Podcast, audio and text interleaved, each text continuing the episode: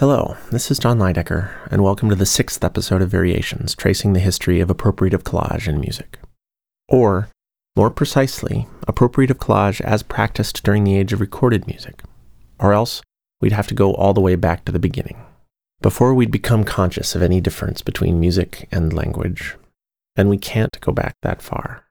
In fact, we find it difficult enough to imagine music apart from concepts like author and owner. The UK Guardian recently wrote a small story about the practice of remixing, which began by reassuring its readers with this sentence The rewriting of works by other composers is a venerable tradition, going back at least to the time of Josquin. Of course, the 15th century was hardly the first time that someone had used a previously existing piece in his own work. What was still actually somewhat new was the concept of the composer itself, someone claiming sole authorship of a work. The concept of the composer was enabled by the emergence of written notation in the 9th century. Originally a way for the church to document existing plain chant melodies, it soon became a generative tool in its own right.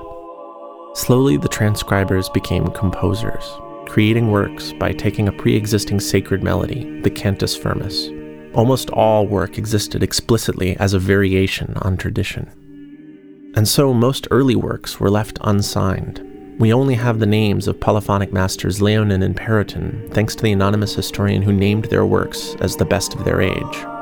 But by the 14th century, notation had become less a tool than the master of what was possible in musical progress. And as notation conferred immortality to generations of composers, the men once seen as simple craftsmen following innate laws of harmony gained in authority. By the Romantic 19th century, Composers were gifted geniuses, inventors of their own rules, their music a product of unbounded self expression. In some ways, the arrival of sound recording challenged this growing authority by offering the same immortality to improvising musicians. Recordings documented music more accurately as a social practice. But recordings also consolidated the redefinition of music begun by the previous literary medium. Now, more than ever, music was an object, a property, something not just experienced, but owned, and increasingly, something a consumer owns in order to experience. So these final associations of music with property are actually very recent developments, definitions gone invisible. The concept of the individual composer remains largely alien to cultures outside of the West, where music as an oral culture can have innovators, but by definition cannot have owners.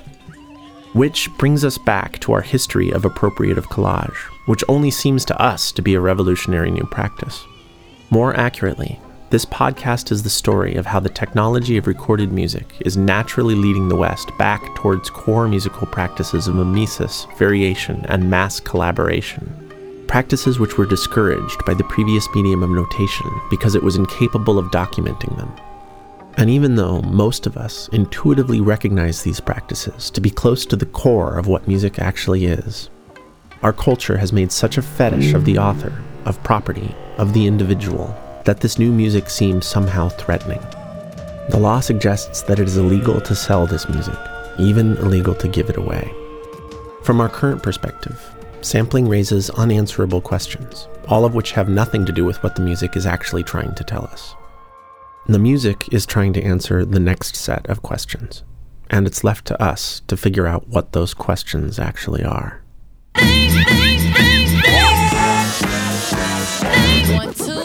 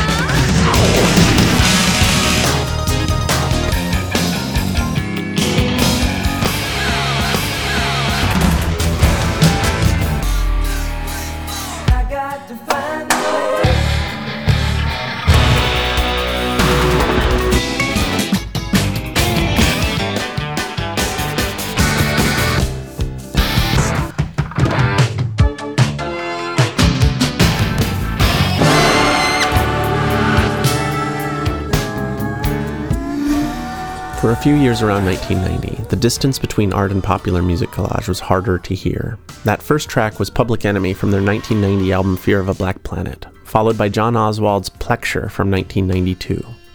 The former sold 1 million copies the first week of release, the second was an import only release on John Zorn's Japanese record label. Plexure is a 20 minute collage sampling approximately 1,000 pop songs, all sourced from the previous 10 years, the first decade of the compact disc. What seems at first to be endless variation is in fact a piece strictly organized by tempo, slowly ascending from 80 to 140 beats per minute and beyond. One long accelerando with all of pop song structures and repetitions spliced away. Only the sounds themselves are left, the production styles holding all of pop together.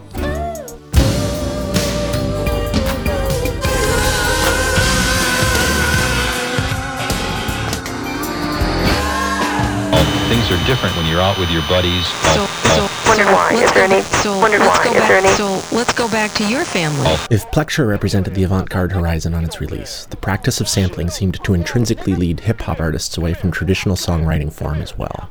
There is still verse and chorus form in Ice Cube's Jackin' for Beats, even though the music itself changes completely every eight bars. And if the liner notes do give shoutouts to the six rap groups this song samples, it doesn't mention the songs those groups were sampling from. By 1991, we are already layers deep. Ice Cube and the Lench Mob is jacking for Right Afraid of nothing. Right Jack. Right, right, right Jack. and even if you're down with my crew. Yo, Chuck, man, I don't understand this, man. Yo, you got this mother. I jacked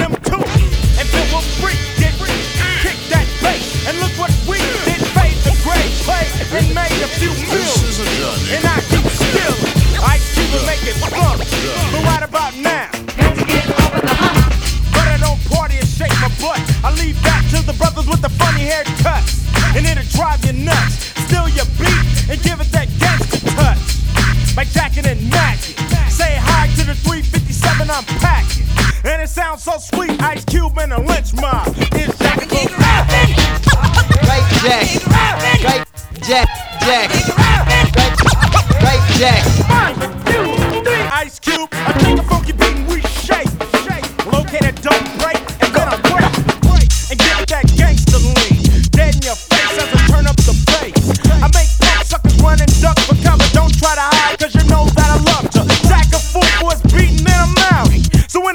your town, don't crowd me. Cause I know you're gonna wanna kick it with me. But I know none of y'all can get with me. So you think you're protected? Well, you are till you put a funky beat on a record. Then I have to show and prove and use your groove. Cause suckers can't fade the cue. And if I jack you and you keep coming, I have you march 100 miles and run. run. Stop, stop, stop, nigga! The wave of sampling lawsuits in the early 90s put a legal restriction on artists pushing the samples per song threshold higher. The music changed direction. And I would like to play a little tune I just composed not so long ago. Miss Billy, Miss Billy, Miss Billie Holiday. Some artists pursued obscure sources to sample, making a more overt connection with black history by sampling jazz. But the overwhelmingly preferred approach was to go back to basics, to keep the licensing manageable, by making entire songs from only one or two basic loops, pushing the structure of rap songs away from collage and towards being simple cover versions. Released late in 1992, Dr. Dre's overwhelmingly influential album, The Chronic, signaled the new direction while rolling the clock back to the earliest days of studio hip hop. The practice of re recording the music of a sample and then looping the new performance of it. This allowed for more flexibility in licensing, and the Chronic success showed a business friendly way out for commercial hip hop made with sampling, a more direct approach that was one world away from the experimental riots of the previous few years. Yeah. You can't touch this. In the late 80s, Bob Ostertag returned to music after spending 10 years as an activist and journalist documenting the revolutions and counter revolutions in Nicaragua and El Salvador. He had been improvising music in New York with John Zorn and Fred Frith, playing modular synth and experimenting with cassettes of TV and radio broadcasts, such as on the 1982 live album Voice of America. realize there are things so much more important happening all around us.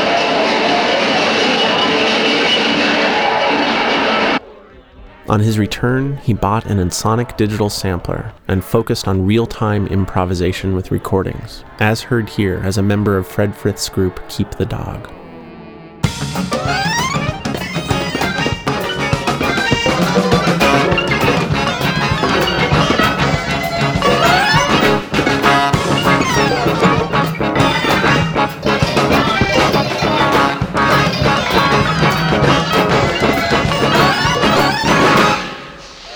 Even after being diced into pure sound, Ostertag's field recordings and samples remain documents connected to the political events that sounded them. We hear music made out of the sounds of an orphaned boy in El Salvador, swearing revenge on the National Guard over his father's grave. Or melodies extracted from the screams of protesters at a gay rights rally and scored for string quartet.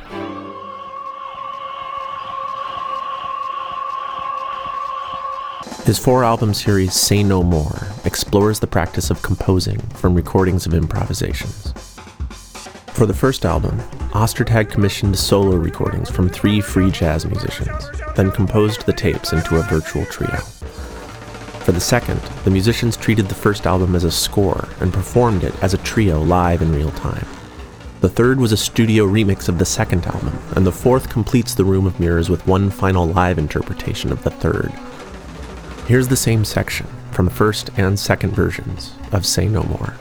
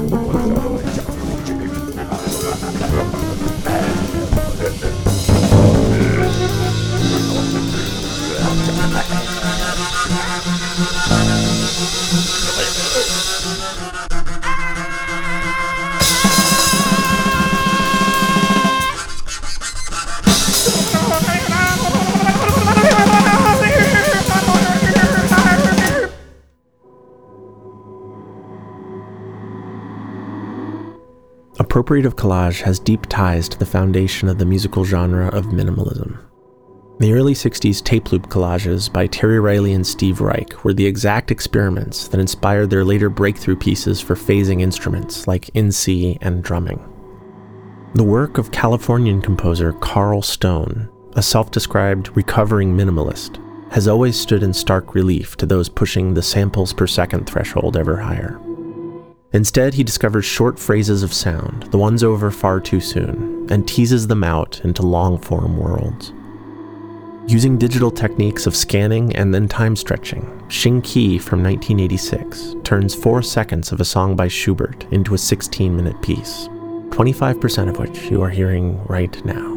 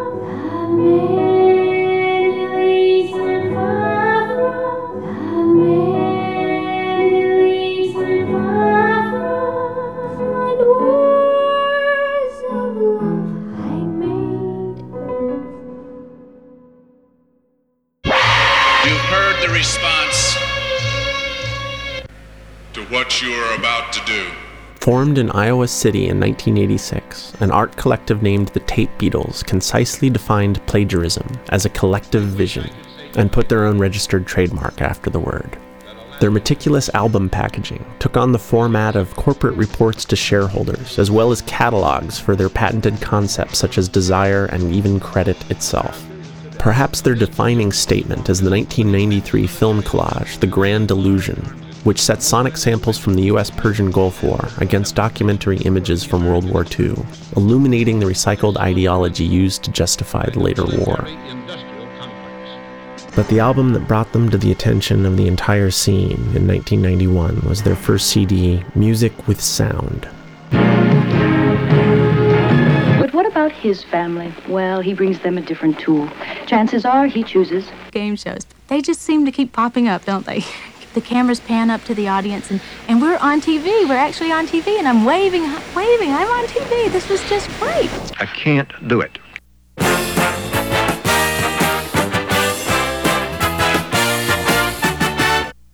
I can't do it.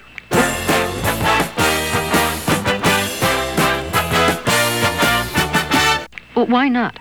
I don't know. I just can't.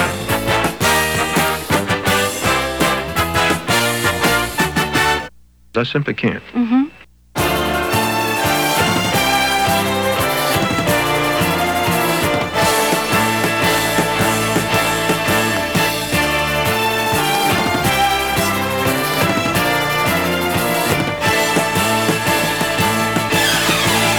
Well, why not? Um,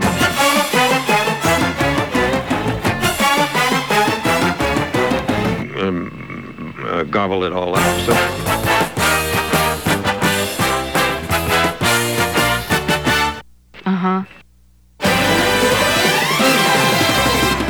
Cannot say. No. I simply could not do it.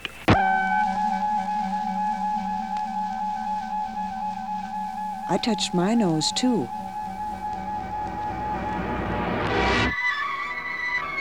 Storm the studio.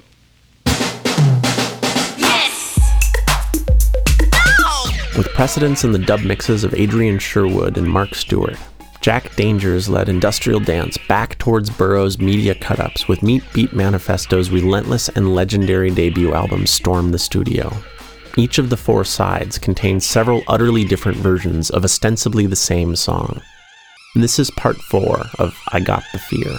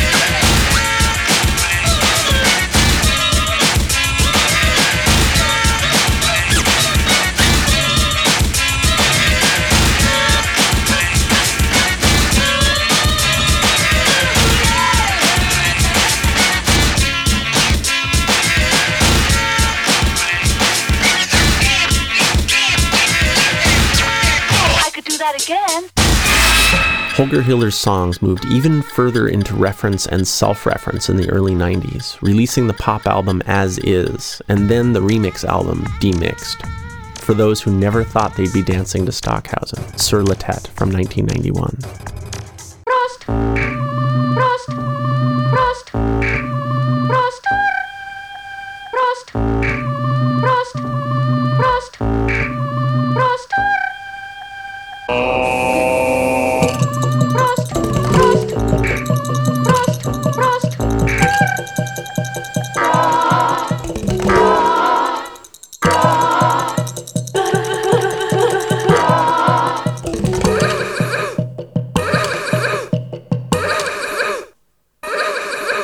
¡Fuera!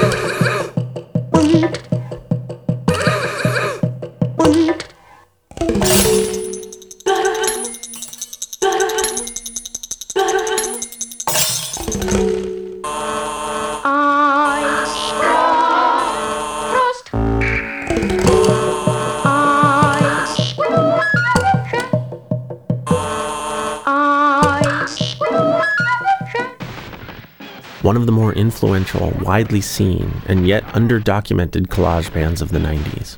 Emergency Broadcast Network's videos were displayed at Lollapalooza and on tour with U2.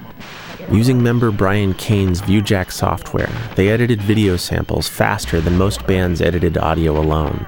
Their 1992 remix of CNN's coverage of the first Gulf War spliced away the distance between war and advertising filled with cut ups of celebrities and politicians. Their pioneering videos went mostly unreleased precisely because they were on a major record label. Still unreleasable two decades later, search online for the videos. This is their cut up of George Bush the Sr. from 1993.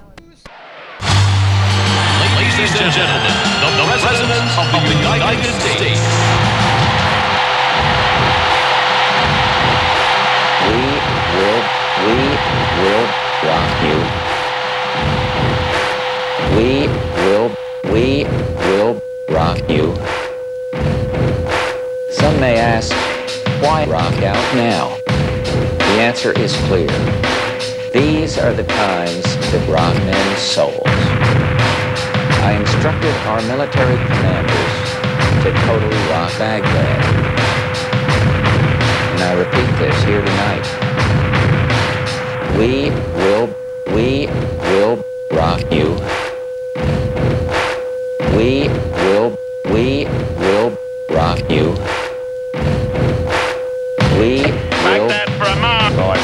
just uh, had another satellite cross paths. Allahu Akbar. That's the sound of videotape being rewound. We will, we will rock you. And let me say to everyone listening and watching tonight, may God continue to rock our nation, the United States of America Whoa, holy cow. It is very quiet right now. This is this is eerie, uh, but it looks like a Fourth of July display. Some are red, some are white. You can see explosions, you know, airburst explosions.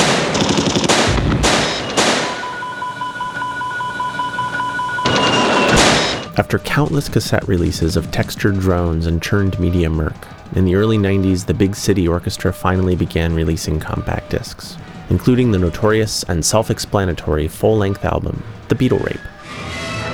Now! Now! Now! Now!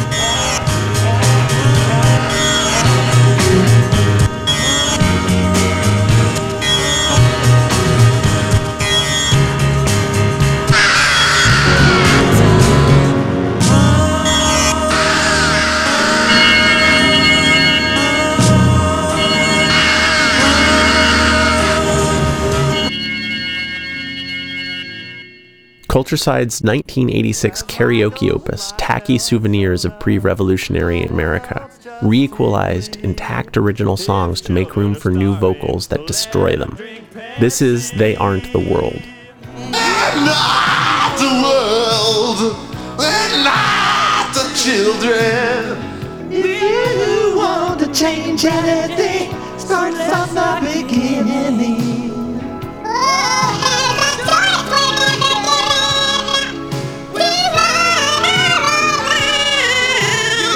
Without it, your better days, just a better life. I enjoy us. Hey, I enjoy us too. Who cares if we live in a one bedroom apartment? Steve Fisk released several cassette albums of songs fashioned from looped music and talk radio samples through the 80s, eventually released on CD in the 90s as Over and Through the Night.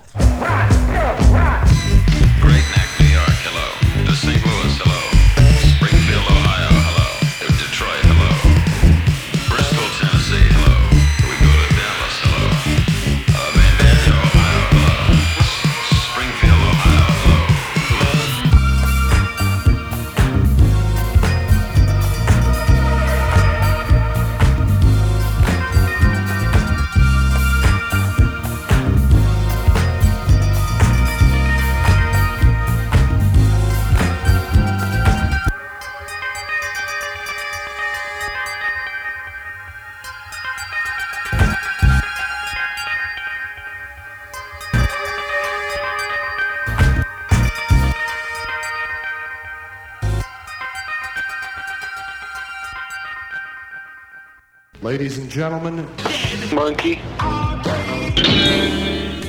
You can't really accurately represent the experience of one of Wayne Butane's 90 minute cassette albums with a short excerpt.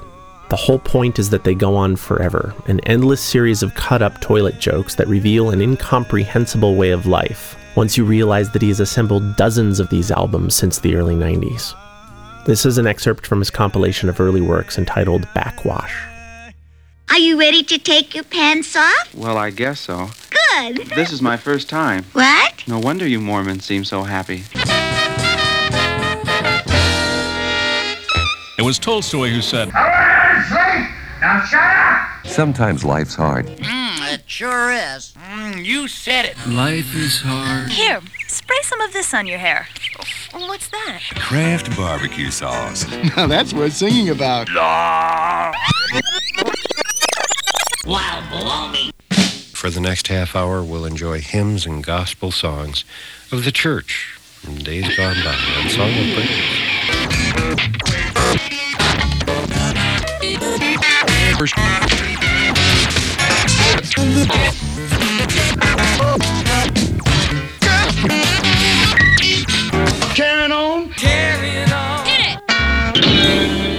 It! Active from the mid 80s, hailing from Toronto, Sucking Chest Wounds politicized multimedia concerts were best represented by their 1992 Portrait of America God, Family, Country.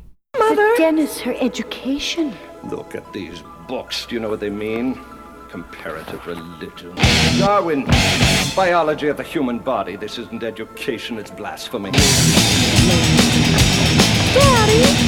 that's not fair. Well, I won't have it. Do you hear? You hear? I won't have it. Just like. Lazy. Do you hear? Corrupt. Do you hear? Evil. Evil. Evil. Mother, oh God, Miss But Daddy. The tools of Satan. What is it now? Behind you! Oh, Look out! Huh? Oh,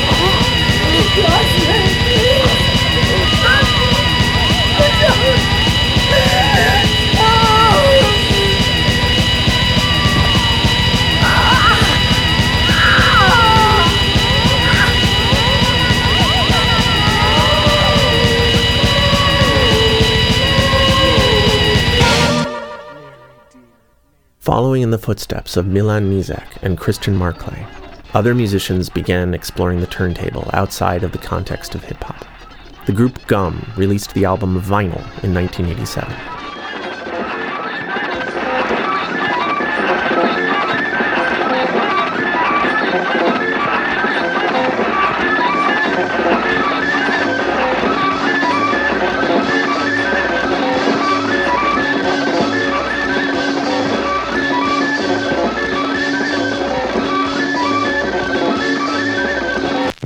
From Montreal, Martin Tétrault switched easily from visual collage design to sound, cutting slices from multiple records together and playing the resulting discs in improvising ensembles.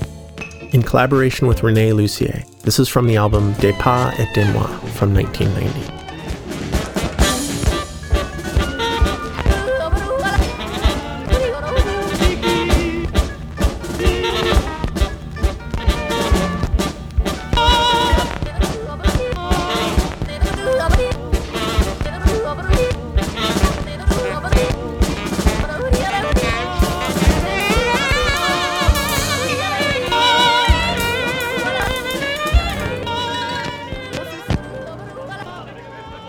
After a series of 80s cassette releases ranging from pop to noise collage, the group Crawling with Tarts began focusing on the turntable with their series of grand surface noise operas.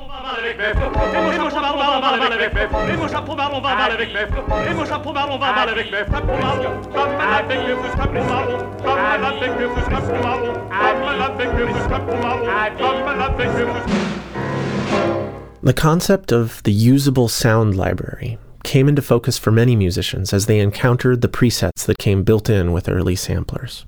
For instance, the immortal Fairlight classic, Orch5. This recording of a full symphony orchestra playing a single note appears on countless songs. When Kate Bush, Afrika Bambaataa, and Mantronix used it on their records, they used it because it was available and because it fit. They were not using it to reference Stravinsky, even though it is a sample from an old recording of the Firebird. There are no footnotes in music. The sound library disconnects sounds from their authors. Here is a moment from Jean Michel Jarre's Diva from 1984. And this is a moment from Prince's Black Album from 1988. Wow, ain't that a bitch? And here's a moment from African Head Charge's album, produced by Adrian Sherwood in 1986. The common denominator is almost certainly Fairlight Library Disc 27, Effects 4, Sample Number 1, Bizarre. And whomever assembled that library obviously had a copy of Frank Zappa's 1969 album, Uncle Meat. Bizarre. Bizarre. no one could ever understand our bizarre relationship. To enjoy this sound as music, we do not need to know that this is a sample of Susie Cream Cheese. These artists were not sampling a Zappa album. They were simply helping themselves to a sound library. And there are no footnotes in music. The library, through use, distances a sound from its author. Though it is still only Susie's voice, we can increasingly enjoy sounds freed from the imperative to know what or who is making them. Hello, teenage America.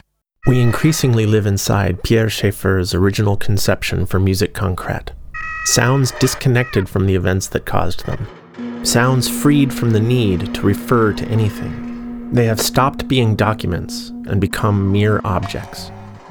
The Bomb Squad's loops of R&B sax squeals are long enough that you can still identify them for what they are. But DJ Muggs' blast of Junior Walker is so short that it no longer serves as a reference.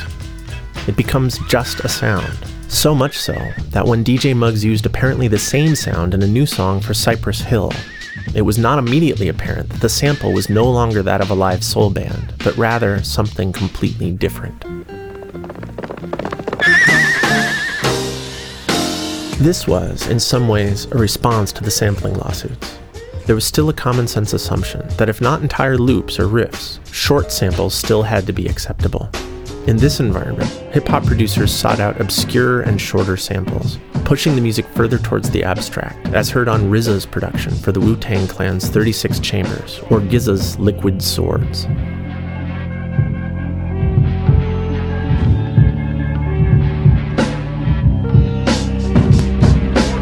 The concept of the sound library continued to manifest itself in new ways. Between 1986 and 91, a series of bootleg compilations called Ultimate Breaks and Beats compiled odd assortments of rock, pop, and R&B. From Funkadelic to the Monkees, Billy Squier to James Brown, the only thing these songs had in common were proven breaks, the loops that had become indispensable to hip-hop DJs. These records were not for listeners. They were performance tools. Before long, full track compilations began to seem like a waste of vinyl when all the DJs needed were those critical few seconds. Specifically targeting the hip hop turntablist, the early 90s saw the emergence of specialized DJ tools known as battle records. Cut it! Cut it! Funky fresh. Well, that scratching is making me itch. Mm. Funky dope. Cut it. Funky. Check it out. Word. Battle records were seen by some as cheating. Putting all the sounds on one disc eliminated the need for detective work.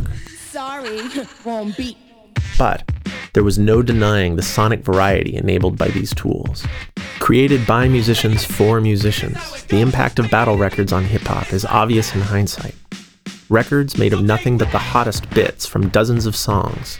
Battle records were libraries, organized as compositions, and designed for use.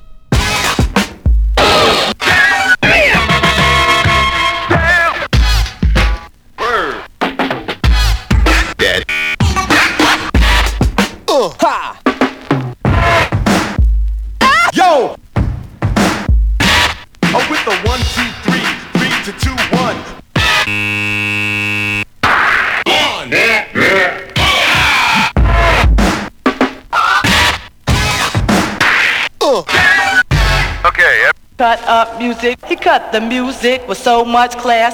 stupid fool!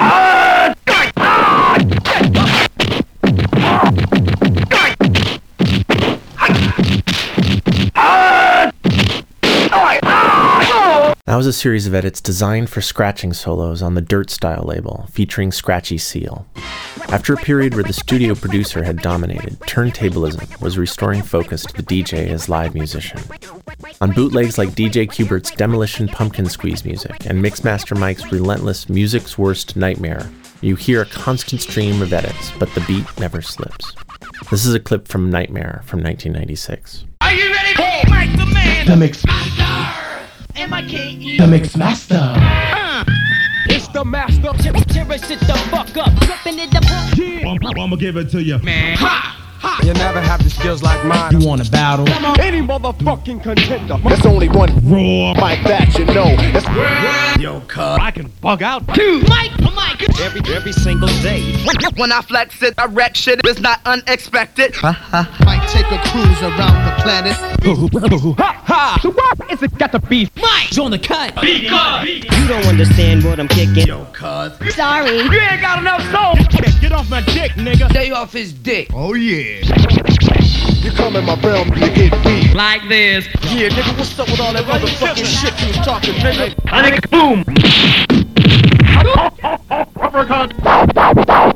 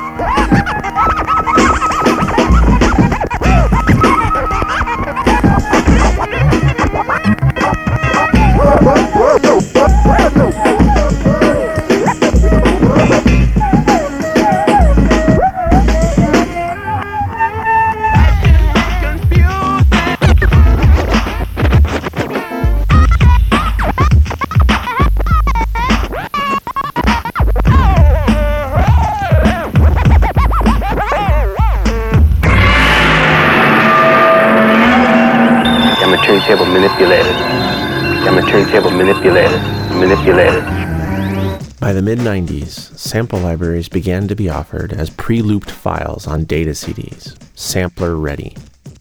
Many of these loops were original generic productions, though some were simply taken directly from commercial recordings. It was as if certain loops were simply becoming public domain, such as this drum solo from the track Amen Brother, performed by the Winstons.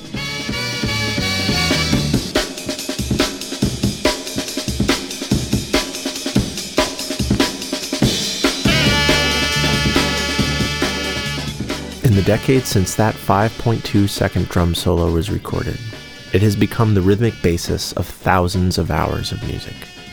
Originally sampled as an intact loop in many hip hop songs, in the early 90s it crossed over into hardcore dance music like jungle, before becoming the genetic core of an entire genre called drum and bass. Part of its appeal was in how amazing this loop sounded when you sped it up. Superhuman, but still plausible. And also infinitely editable.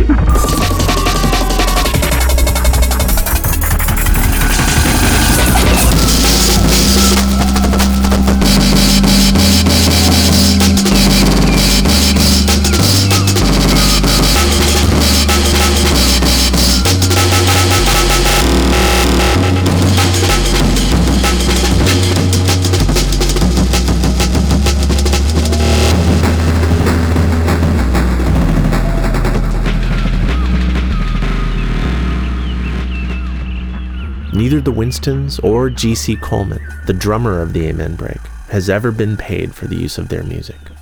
Nor has Clyde Stubblefield, the drummer who improvised the second most sampled drum break in the world in the song Funky Drummer by James Brown. As the owner of the publishing, songwriter James Brown died rich. Clyde Stubblefield is a career musician without the health insurance to cover his kidney dialysis. You can copyright a beat, but it's seldom the drummer who gets to do it. In the early 90s, if major labels were starting to be more careful about licensing, the truth remains that the only lawsuits they were really worried about were the ones from other major labels. In the background, I'm playing the first track from the album Music with Sound by the Tape Beatles. I've got a beautiful state here. Now compare that with the first track on Live 93, an album of live concert mixes by The Orb. The Orb's album does contain a sample list, which mentions other major label properties like Steve Reich and Ennio Morricone. But it does not mention their two minute sample of the Tape Beatles, or in fact many of the other subtler, easier to miss samples quietly layered on every track. The Orb are brilliant at what they do, and we know that the Tape Beatles certainly don't mind having personally invented plagiarism. There is simply a notable irony in the fact that the Orb's label, Island Records, was the exact same entity which one year previously had sued Negativland and SST Records for $90,000 over the artwork and samples used on their single U2. Or another irony in that the band U2 followed up this lawsuit by touring the world with their multimedia Zoo TV concert, in which they remixed sounds and images pulled live off of local TV feeds onto huge video screens for U2's stadium sized audiences. As my friend Vicki Bennett likes to say, the term avant garde comes from the military. The advance ranks are the ones who get shot, and the people standing behind them are the ones that live to take the fort. And this is pretty much what we see with the lawsuits against Negativland and John Oswald, not to mention hip hop practitioners like Public Enemy or De La Soul, who had their creative methods confiscated from them immediately after their success or as Boogie Down Productions put it in their skit from 1992. you know, it's a real funny world we live in. Yeah, it was just sure. yesterday that we were taking the rock and roll from the Uh-huh, blacks, right. and now today in the Yeah. 90s, Uh-huh. when they use samples of rock and roll, we're suing their asses. you gotta love it. If the purpose of copyright law was to protect authors, to stand between power and artists, by its nature, the law tends to stand closer to power than it ever can to art. Power usually finds a way to circumvent any legal restrictions upon it. A story which best illustrates the legal and moral gray areas on both sides of this debate lies behind the release of the 1992 album Deep Forest, a French concept album setting field recordings of indigenous songs and rituals of the pygmies of the African rainforests to modern techno and electronica. Their major label was fairly cavalier about securing the rights to the songs recorded by ethnomusicologists Simha Arom and Hugo Zemp. In fact, Zemp, after hearing their music for the first time, initially refused to grant rights. But he eventually gave his assent during a telephone call from his colleague, the musician Francis Bebey, who assured him it was for a good cause, a non-profit Earth Day commercial on the subject of saving the rainforests. Of course, it was also intended to be a commercial CD, which went on to sell 4 million copies. And tracks from the album were licensed as commercial jingles to Sony, Coca Cola, Neutrogena, Porsche, and The Body Shop. Once the many millions were rolling in, the label settled out of court for all of the samples that they hadn't cleared in advance. But watching his recordings used to signify elemental purity in soda commercials left Zemp feeling steamrolled, particularly when he learned that the single Sweet Lullaby had used the song of a woman named Afunakwa, whom he had recorded on the Solomon Islands, 8,000 miles away from the nearest pygmy. Afunakwa had become the unwitting lead vocalist on a concept album that opens with this speech. Somewhere deep in the jungle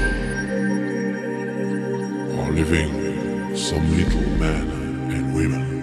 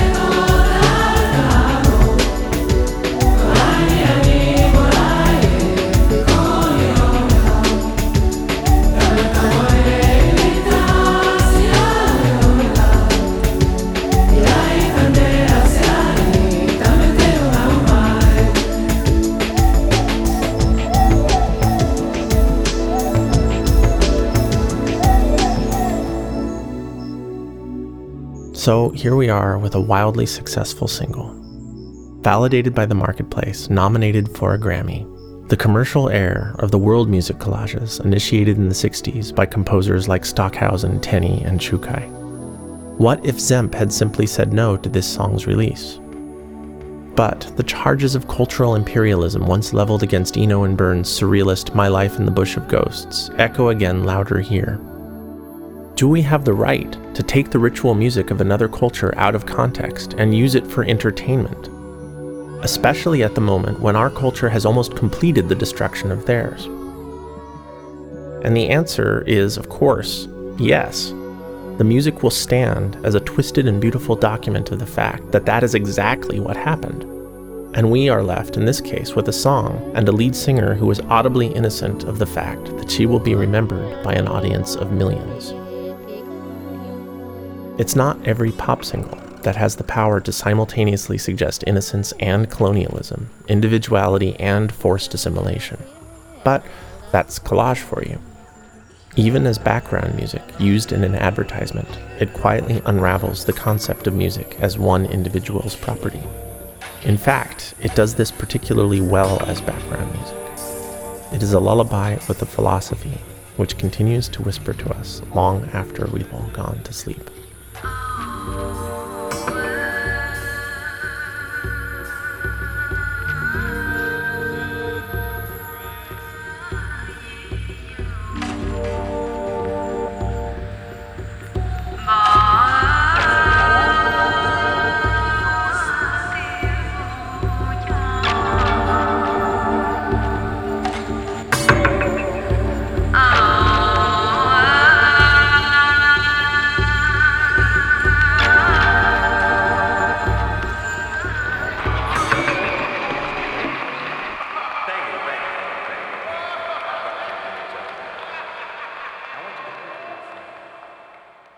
one sense, the composer can simply be defined as someone who puts things together. Perhaps even only two things. When the Evolution Control Committee released the Whipped Cream mixes in 1994, it became a college radio hit in the tradition of the novelty single, a la the Happiness Boys or Buchanan and Goodman. But at the time, it was also a provocation of how far you could push the fair use argument taking not fragments, but two intact elements from different songs to create something undeniably new. Matching Public Enemy a cappellas with 1960s Latin easy listening master Herb Alpert. No one could confuse this song with either original, and the track required the originals in their entirety to succeed. A new song with an inexplicable third author for how else to explain what you are hearing. This comedy record was not a joke, and the full implications of this technique would resurface on a global scale at the start of the next decade. This is side one of the whipped cream mixes by the Evolution Control Committee, the godfather of the mashup.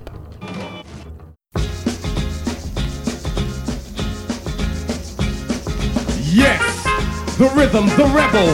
Without a pause, I'm lowering my level. The hard drama, where you never been, I'm in. You want styling? You know it's time to get deep. The enemy telling you to hear it. They play the music, this time they play the lyrics.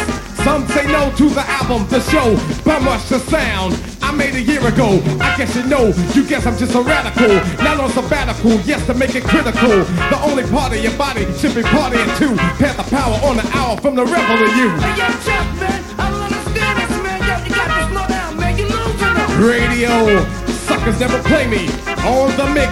They just okay me now, knowing they grown when they're clocking my